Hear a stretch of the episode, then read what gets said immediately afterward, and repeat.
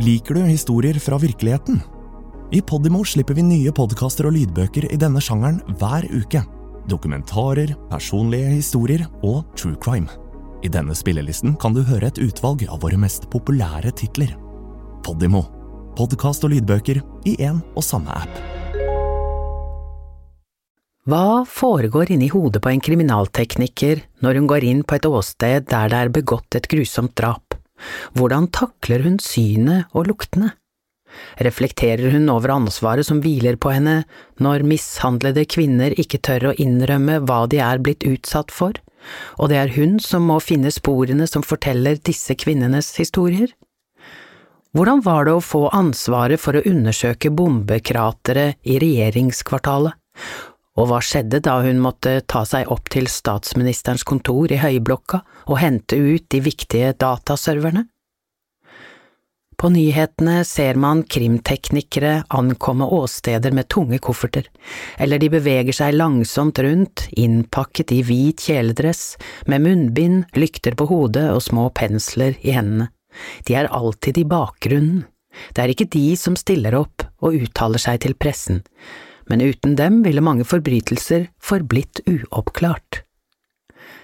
I TV-serier kan han ofte få inntrykk av at de er distanserte og kalde i møte med de grusomhetene de kommer tett på.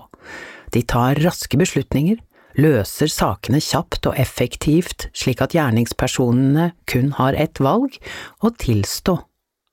Det er nesten som om krimteknikerne har overnaturlige evner, og det handler nesten alltid om drap eller forsvinninger. I virkeligheten er sakene mye mer varierte, og det er det denne boken handler om, virkeligheten. Ikke så mystisk, ikke så enkelt og ikke så følelseskaldt, men minst like spennende. Gjennom usminkede fortellinger om seks ulike kriminalsaker er boken et forsøk på å gi et unikt innblikk i hvordan den mest alvorlige kriminaliteten i Norge blir etterforsket. Innholdet i boken er basert på Eva B. Ragdes fortellinger om saker hun har jobbet med. I tillegg har forfatterne fått innsyn i rettsdokumenter og politidokumenter som har gjort det mulig å komme tett på både ofre og gjerningspersoner og fortelle hva som hendte både før, under og etter svært alvorlige forbrytelser som drap, ran og mishandling. Dramatiseringen i boken er basert på disse dokumentene. Av hensyn til etterlatte, ofre, vitner og ansatte i politiet er de fleste personene anonymisert. Alle sakene er ferdig behandlet i rettssystemet.